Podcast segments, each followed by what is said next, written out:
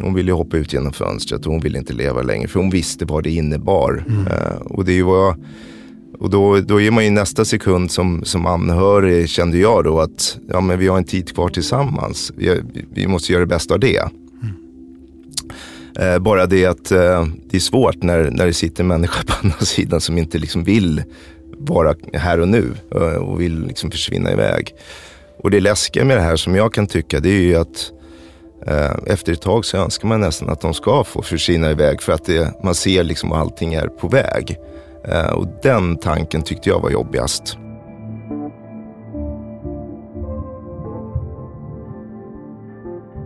Jag är född fighter och överlevare. Jag har alltid trott att motgångar kan man kämpa sig igenom. Det är bara att stå emot, ta i lite till, så kommer allt gå bra. Jag har i mitt liv förlorat mina bägge föräldrar i ung ålder. Jag har ett par skilsmässor bakom mig och jag har fått sparken från en uppmärksammad arbetsplats. Jag har varit nere i avgrunden men alltid tagit mig upp. Men den här gången ligger inte ödet i mina händer. Så hur kämpar man mot en diagnos som inte har någon bot? Jag heter Henrik Fränkel. Jag fick påsken 2019 diagnosen lindrig minnesstörning och trolig Alzheimer. Jag vill med den här poddserien göra en upptäcktsfärd in i vår tids kanske mest ökända och stigmatiserade sjukdom. Och så vill jag såklart veta vad som ska hända med just mig. Jag ska träffa människor som kan hjälpa mig att förstå den sjukdom som drabbar 20 000 svenskar varje år. Som har funnits i över 100 år och som ingen överlever. Följ med mig in i Alzheimerland.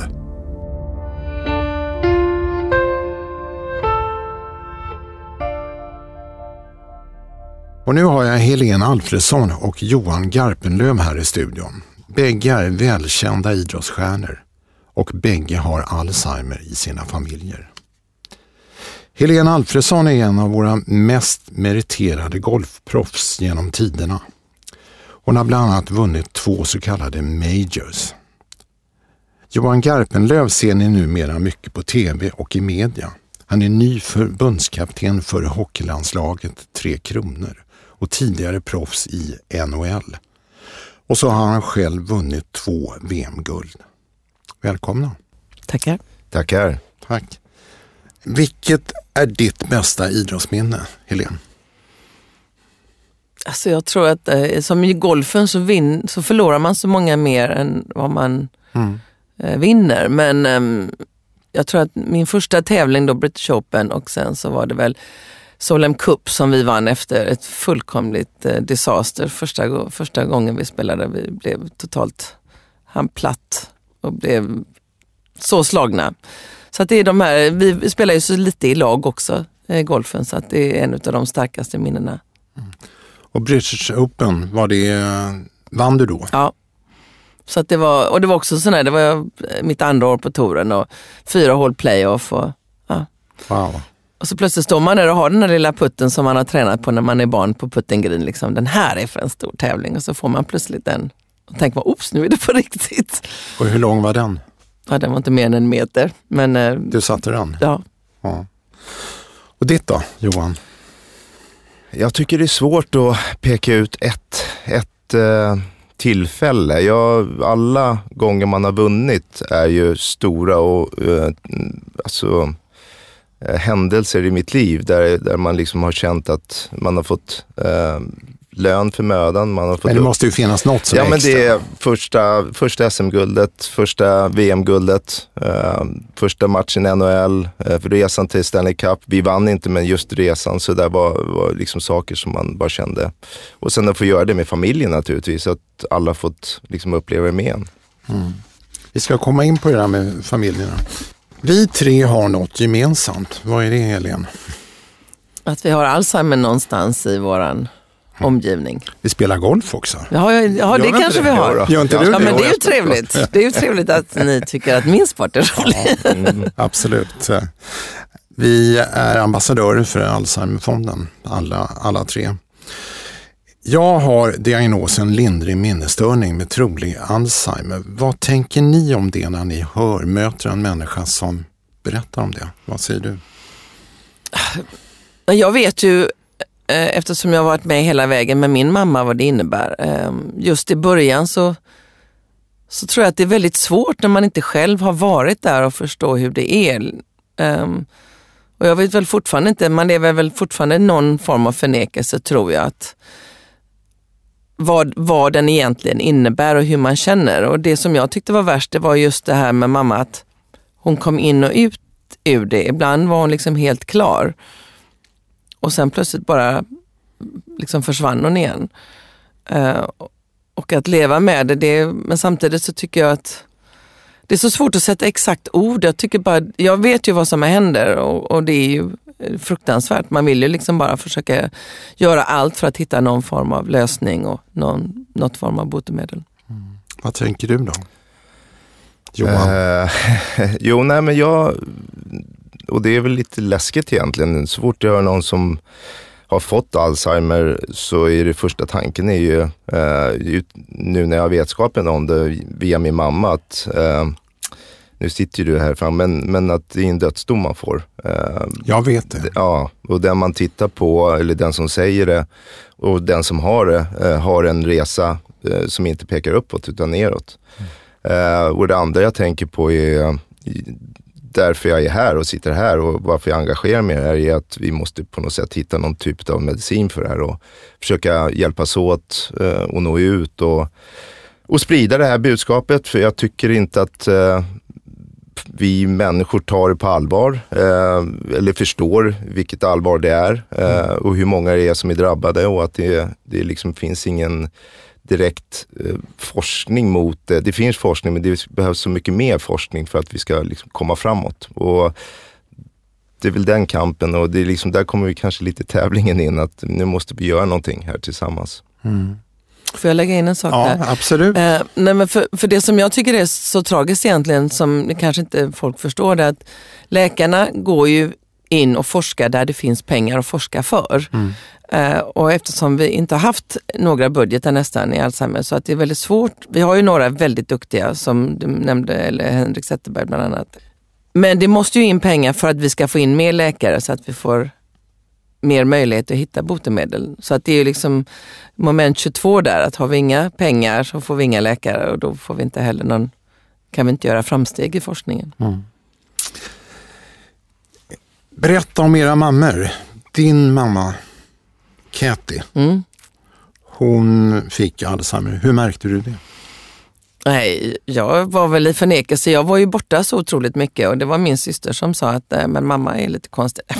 konstig, hon var ju tokig hela livet liksom. Så att det mm. var inte någonting som var något speciellt tyckte jag då. Uh, och de är ju väldigt duktiga i början på att dölja det, gå runt och ja. Men sen då när just det här att uppe på nätterna, glömde koder till banken och somnar och vet inte vad tiden är.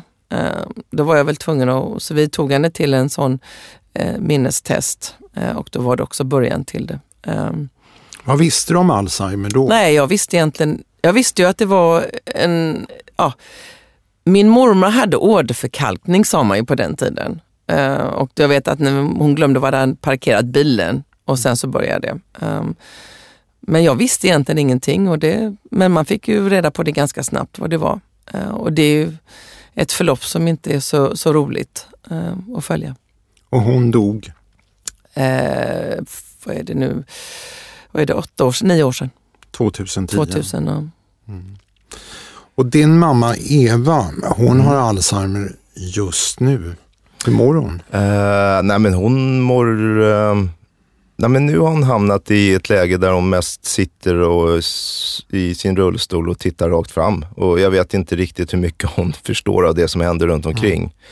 Mm. Uh, men uh, hennes resa och våran resa började ju att hon började, från att ha varit väldigt samlande och ville att vi alltid skulle vara där och till att uh, inte vilja ha oss där. och då tyckte vi att eh, det var lite konstigt och första tanken... Vad menar du då?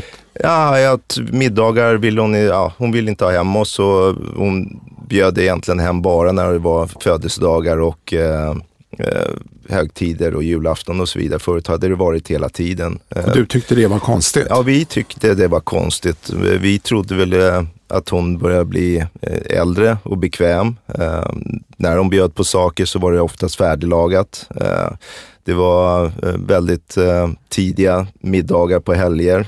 De väldigt korta också, ville hon ha det. Mm. Och, I början tyckte man nästan så här, man var lite irriterad. Man, tyckte, man ville ha det gamla. Mm. Man tyckte att nu har de blivit gamla och bekväma här.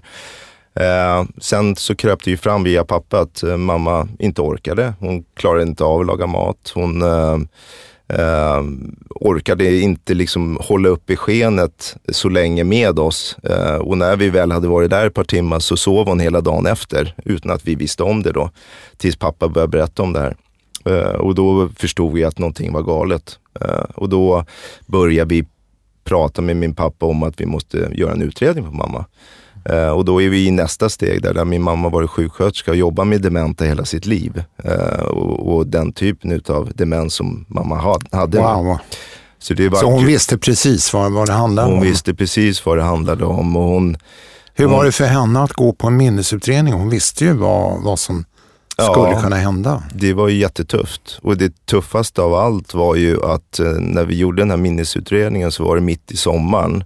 Och då hade de stängt den avdelningen där man gjorde med friska människor, om man nu kallar mamma för frisk vid den tidpunkten. Eh, utan hon lades in på de som hade Alzheimer eh, mm. på en låst avdelning. Och hon var tvungen att vara där, var det två eller tre nätter när hon gjorde den här utredningen. Så hon fick ju en, eh, en chock och för min pappa att släppa henne där och åka hem därifrån, där hon bara ville åka med hem, var inte lätt för honom. Eh, men hon fullgjorde i alla fall den där och det kom ju fram då att hon hade Alzheimer. Mm. Så det var ju ett, ett bakslag för, för hela familjen, för henne, för, ja, för min pappa också då, speciellt då som har levt med henne hela livet. Hur var det för er att ta emot beskedet Alzheimer, Helene? Nej, men, men det var som jag sa tidigare, jag, man förstod inte egentligen då vad det var. Men sen nu när man ser tillbaka på det så förstår man ju att när det väl kommer fram så har ju det pågått en ganska bra tid. Mm. Men blev du rädd? Förstod alltså, du att... Jag vet inte om jag ska säga att, ja det är klart att jag blir rädd. Jag, alltså jag vill inte mista mamma på det sättet. Och, men jag vet inte, det är väl lite på del av min idrott att man liksom, ah, man, man liksom tar bort det, man vill inte se det riktigt. Sen, och låtsas som inte det var mamma. Liksom. Att det, hon hade inte det utan hon var bara den vanliga tokiga. Det hade bara gått lite längre. Liksom. Lite virrig sådär. Lite virrig ja. Um, men sen när jag såg även, de ändras ju inte jätteofta fysiskt men hon blev, fick ett sånt otroligt sockerbegär mm. som många får och då blev hon ju ganska krallig. Och, och sen tappade hon ju, hon kunde ju inte svara på en fråga längre utan hon kunde, det var inte så att liksom den frågan kunde inte komma in, hon kunde inte ta in den och sen svara. Sen kunde hon ju säga någonting utifrån sig själv. Och då tyckte jag, då började det sätta in för mig eh, att, det här, att jag kunde inte ha den här konversationen. För några av de bästa skratten jag har haft i mitt liv var med mamma. Mm. Uh, och det, det, det, det, då var det verkligen så här, nej, eh, nu, nu har det hänt någonting på riktigt. Så det tog ett tag för mig att att acceptera det verkligen. Jag tänker på mina egna barn. De, eh, när de fick reda på det, det var, det var, tycker jag, det enskilt svåraste. Det var att berätta för barnen.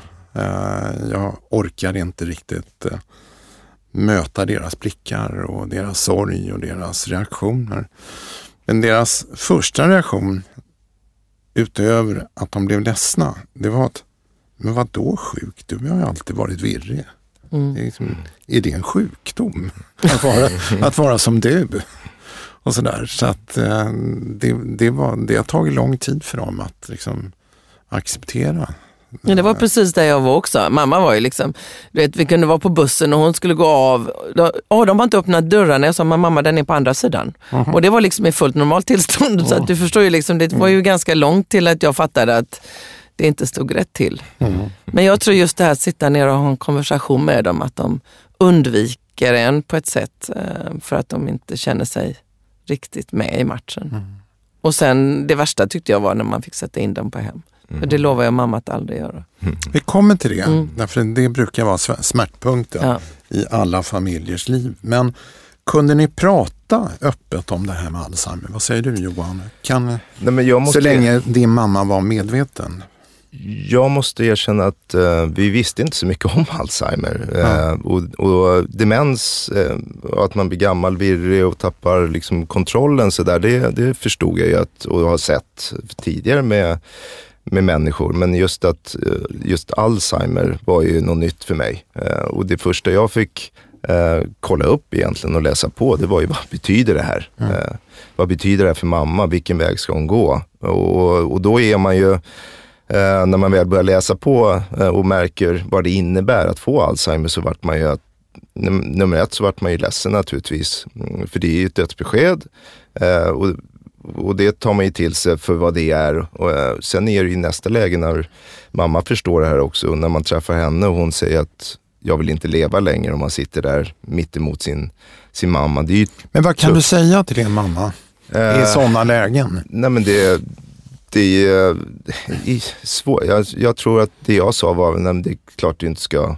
ta självmord eller, eller ta livet av det. det, det vi har, Var det det hon ville? Ja, hon sa så i alla fall. Hon ville hoppa ut genom fönstret och hon ville inte leva längre för hon visste vad det innebar. Eh, och det vad, och då, då är man ju nästa sekund som, som anhörig kände jag då att ja, men vi har en tid kvar tillsammans. Vi, vi måste göra det bästa av det. Eh, bara det att eh, det är svårt när, när det sitter en människa på andra sidan som inte liksom vill vara här och nu och vill liksom försvinna iväg. Och det läskiga med det här som jag kan tycka det är ju att efter ett tag så önskar man nästan att de ska få försvinna iväg för att det, man ser liksom att allting är på väg. Eh, och den tanken tyckte jag var jobbigast. Men då måste jag fråga dig, skulle du acceptera om din mamma begick självmord? Jag vet inte om jag kan svara på den frågan. Jag sk- jag, jag, Det vill säga jag, tog, tog ödet i sina egna händer, handlar det om. Ja, nu så kan jag nästan, nästan känna att det skulle vara det bästa som kan hända. Att, att hon försvinner iväg och vi får minnas henne eh, för, för den hon var mer än att den hon kommer att bli. Eh, men i början tänkte jag inte så. Då ville jag ha kvar henne. Jag hoppades att det skulle finnas någon, någon typ av eh, medicin eller hjälp eller att hon skulle kunna på något sätt, även om jag visste att det inte kunde ske, men man hade hoppet där. Men efter åren, de här, ja, något år där, då förstod man ju att det inte kommer ske. Vad tänkte din mamma? När hon förstod. Jag vet inte om hon någonsin förstod. Alltså, Ja, nej, jag tror att hon levde också en sån här, nej men allting var bara toppen hela tiden. Liksom. Och så när hon, är ni sådana i er familj? ja, jag tror att, ja, ja, men allting går att lösa. Det var liksom så som jag växte upp och liksom ta ansvar för allting och så. Så att jag vet när, när vi gifte oss då, som jag tror att jag berättade tidigare, så då säger hon liksom att ja, men hon skulle berätta någonting och så glömde hon vad hon skulle säga. Ah, det är den här Alzheimer. Och alla bara blev... Och det är första gången och enda gången som hon nämner det ordet. Enda gången. Enda gången. Och- Så att, och sen vet inte jag vad som händer sen, för liksom om det går över då så att man inte kommer ihåg att man har det. Det kan ju vara så också. För det, det är så mycket som händer med sjukdomen hela vägen. Men mamma var ju först, först när hon fick det så trodde vi att hon, hon sa att hon hade gått i väggen och var så stressad och vi tänkte, men hon kan inte, hon har ju liksom världens bästa liv. Och sen hon fick det här och sen nämnde hon det en gång och sen sa hon aldrig det något mer. Så vad var det enskilt svåraste? Tycker du? Ja, det var ju det som jag sa tidigare. Det var, först är väl det att man ser att hon är, blir bara sämre. Ehm, och vi försökte verkligen göra allting. Vi, jag, jag såg till att hon fick mat eh, hemlevereras, hon fick äta bra mat varje dag. Hon vägrade släppa in dem, för hon tyckte inte om maten. Hon åt ju bara Polly och geisha, vilket är ju inte någon jättenäringsrik kost direkt. Ehm, och sen så ehm, sen var det när vi fick, jag hade lovat henne att hon aldrig skulle behöva gå in på hem. Men det var, Och varför hade du gjort det? Nej men hon ville inte det. Nej, får aldrig sätta in mig med de här gamlingarna. För hon ansåg inte själv att hon var liksom någon gamling.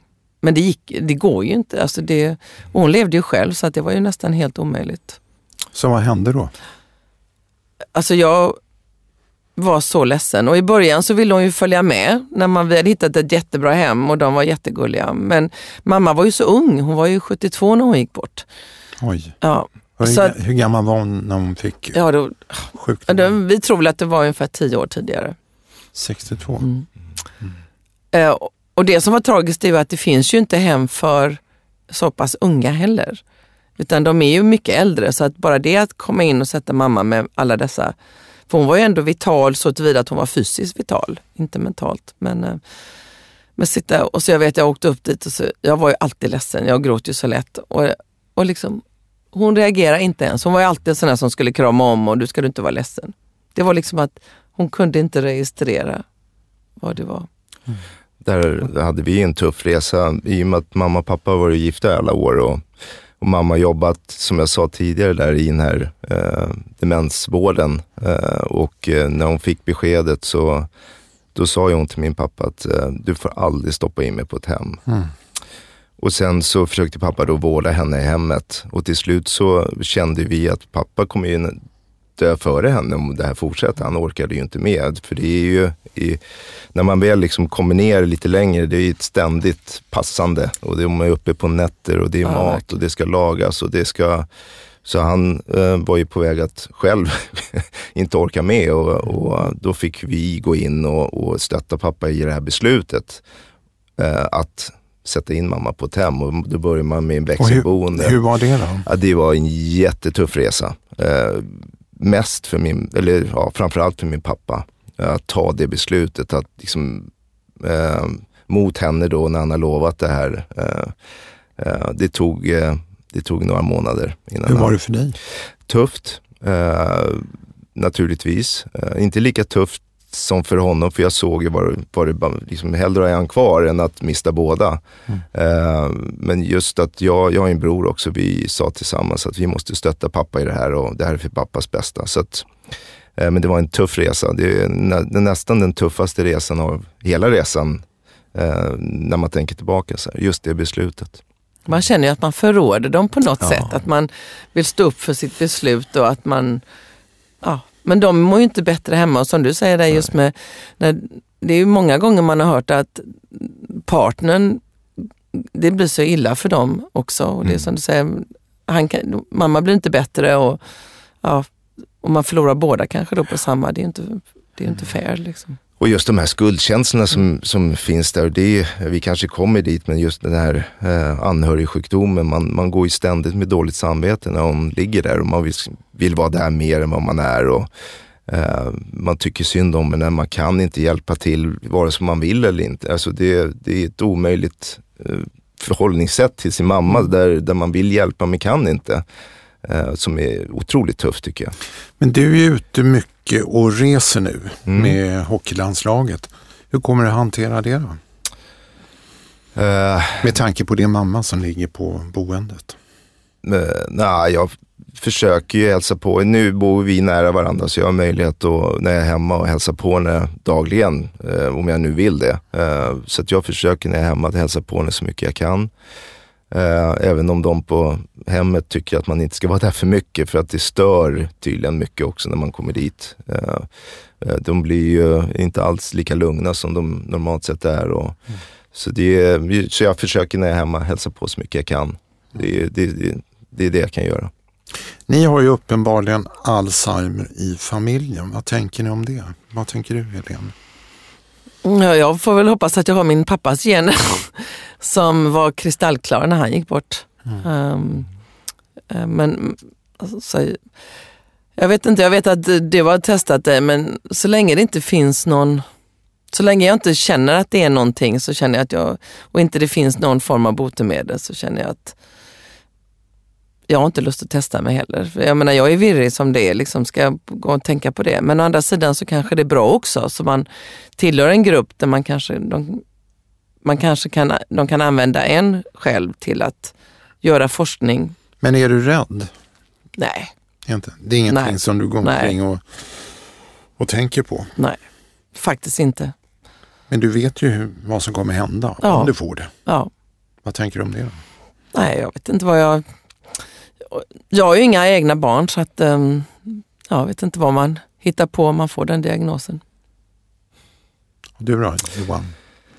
Uh, jag känner väl att uh, tanken har funnits där att uh, mamma, mamma fått det och liksom, kommer jag få det? den tanken har varit där, absolut. och du har barn också? Jag har två barn. Mm.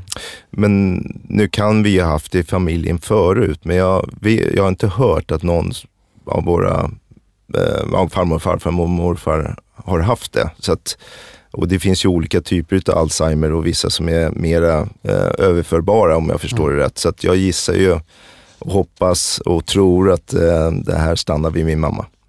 Mm. Och jag, är, jag tror jag är lite som Helene. Jag, jag, är inte så sugen på att testa mig innan jag känner att det är någonting som börjar eh, inte stå rätt till. Mm. Rätt eller fel vet jag inte, men det är känslan jag har just nu. Ni är ju bägge tävlingsmänniskor och ni är ju alltid vana vid att komma igen och liksom, ni har haft motgångar och sen så har ni tagit er upp.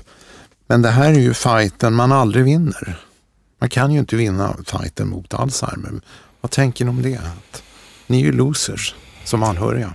Jag känner att man kan vinna det genom att hjälpa andra kanske. Eh, och det är lite det som min eh, energi går till just nu. Att eh, när jag fick reda på det här med, med min mamma så kände jag direkt att jag vill hjälpa till.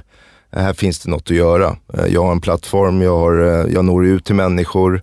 Eh, jag vill ut och informera och försöka samla ihop pengar till att få de här forskarna att börja forska på det här. Så jag tog ju kontakt med Liselott på Alzheimerfonden då och frågade om jag kunde få hjälpa till att bli ambassadör. Mm. Uh, och det var så det startade. Uh, och sen så efter det sen så har det byggts sakta men säkert på. Både med information utåt och samla ihop någon krona här och där till att ja, de här som kan det här kan forska på det. Mm.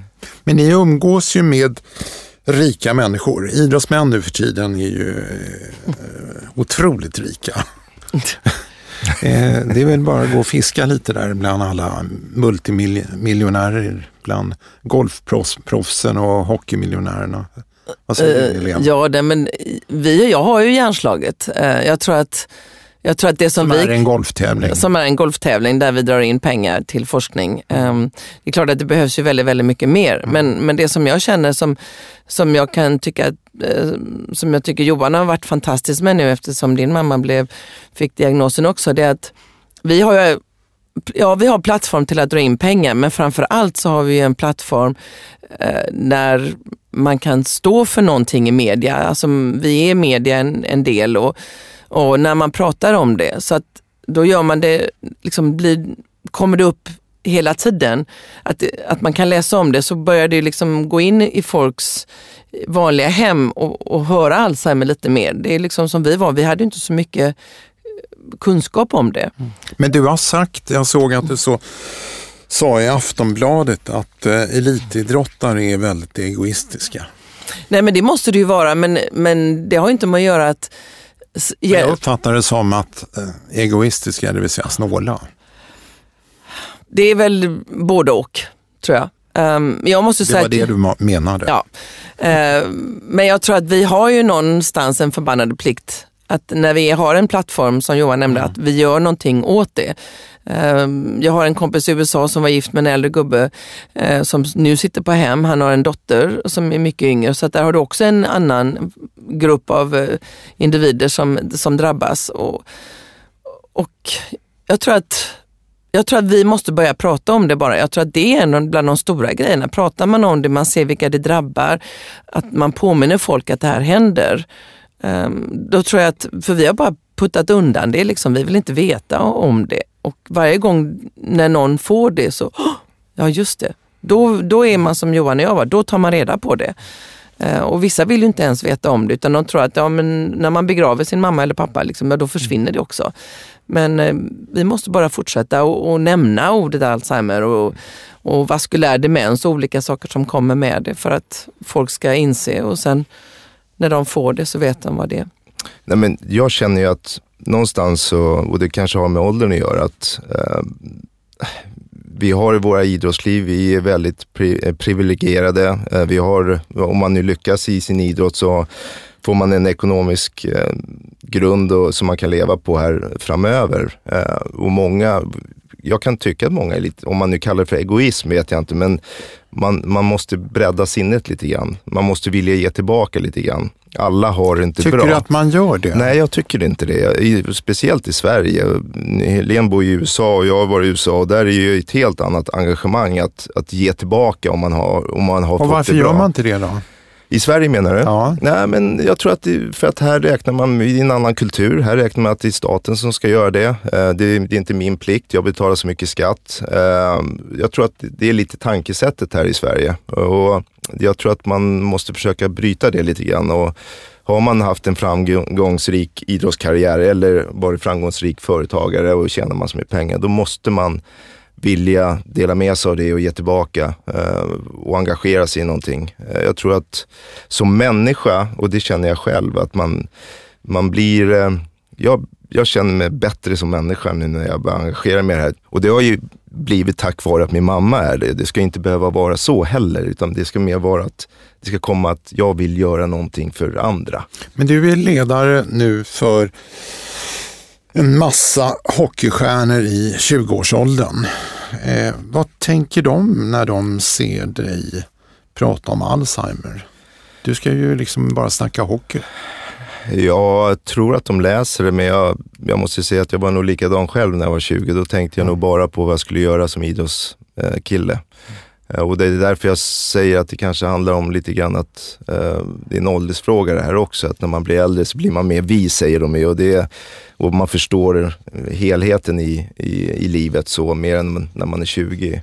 Och därför tycker jag eh, ja, när du väl har din idrottskarriär kanske du inte behöver engagera så mycket. Du får gärna göra det, men när du väl har slutat och får lite mer tid över, då, då finns det mycket att göra. Jag har två barn, de är 35 och 38 år. Vad vill ni ge mina barn för råd? Ni är ju barn själva till Alzheimersjuka föräldrar. Vad säger du Helene? Var det svårt? Ah, oh, no, jag vet inte.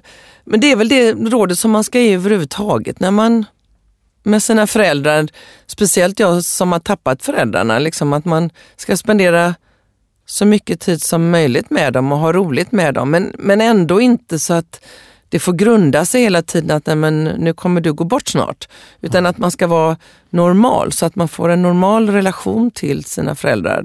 Så att man inte alltid tittar på dem att ah, för de, vi ska ju alla gå bort, på något sätt så kommer vi alla gå bort. Um, så man bara, jag försökte bara, även om mamma var borta, så försökte jag ändå liksom se min mamma som den mamma som hon var en gång. Och, liksom, och njuta av att skratta med henne när jag kunde skratta med henne. Och... Fortsätt träffas, men gör det för att eh, man vill eh, träffa den mamman och pappan, inte för att de är sjuka i någonting. Mm. Det är det det handlar om och njuta av den tiden. Eh, och verkligen vara där här och nu när man väl gör det. Eh, det, det är väl det som jag känner så här efteråt när, man, när, när mamma fick beskedet och det började gå ut för att man istället för att gå och hela tiden tänka på vad man kan göra, bara njuta av tiden som man hade med henne där. Men om jag ställer den frågan som ni inte ville ha som barn, om jag ställer den frågan till mina barn, eller kravet Gör vad som helst men sätt mig inte på ett boende. Mm. Vad, vad säger man som, vad ska man säga som ett barn? Nej men du kan ju bara, alltså Det är jättesvårt. Det är jättesvårt. Det är klart att nå, någonstans så kommer, det, kommer människan som har det hamna på ett boende. Så är det ju bara. Om man är, eh, det går liksom inte att leva i hemmet hela, hela vägen ut. Eh, så, att man, så man, barnen ska inte lova? Ja, jag, jag, tror att man kan säga att jag kan tyvärr inte lova det, men jag ska göra allt jag kan så att du får vara hemma så länge som möjligt. Helene? Nej men det är ju sant, men jag måste säga att det boendet som mamma var på, hon trivdes väldigt bra där. Mm. Och de gjorde väldigt mycket bra saker. Eh, så att det man kan väl se till i alla fall att man försöker att hitta ett, ett bra boende där där de har roligt och där de skrattar. Och, eh, sen försvinner vi ju bort. Eh, det är lite som du sa där Johan, att man inte ska vara där så ofta. Och det, det sa de ju till mig också. För att hon skapar ju sin nya värld där. Eh, och där trivdes hon. Så att ibland kunde jag bara åka dit och hon gick runt där och tyckte livet var bra. Då. Det räckte för mig att veta att just då mådde hon bra ändå. Tack Helene och Johan för att ni ville komma hit och prata. Och eh, jag tycker vi slutar där. Och hade vi inte haft ett bord emellan så hade jag kommit över och kramat er. Men det kan vi göra efteråt. Ja, det kan vi göra. Eller hur? Tack ska ni ha. Tack, tack själv. Tack och tack själv. alla ni som lyssnar.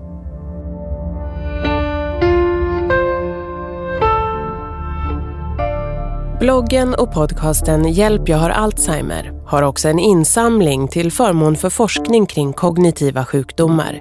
Ni hittar den på alzheimerfonden.se. Insamlingen stöds av Hemfrids ruttjänst Vardagsomsorg, en tjänst som förenklar vardagen för äldre och deras anhöriga. Gå in på hemfrid.se så får du veta mer. Podden Hjälp jag har Alzheimer produceras av Henrik Fränkel och Hans Hemmingsson och görs på Beppo. Beppo.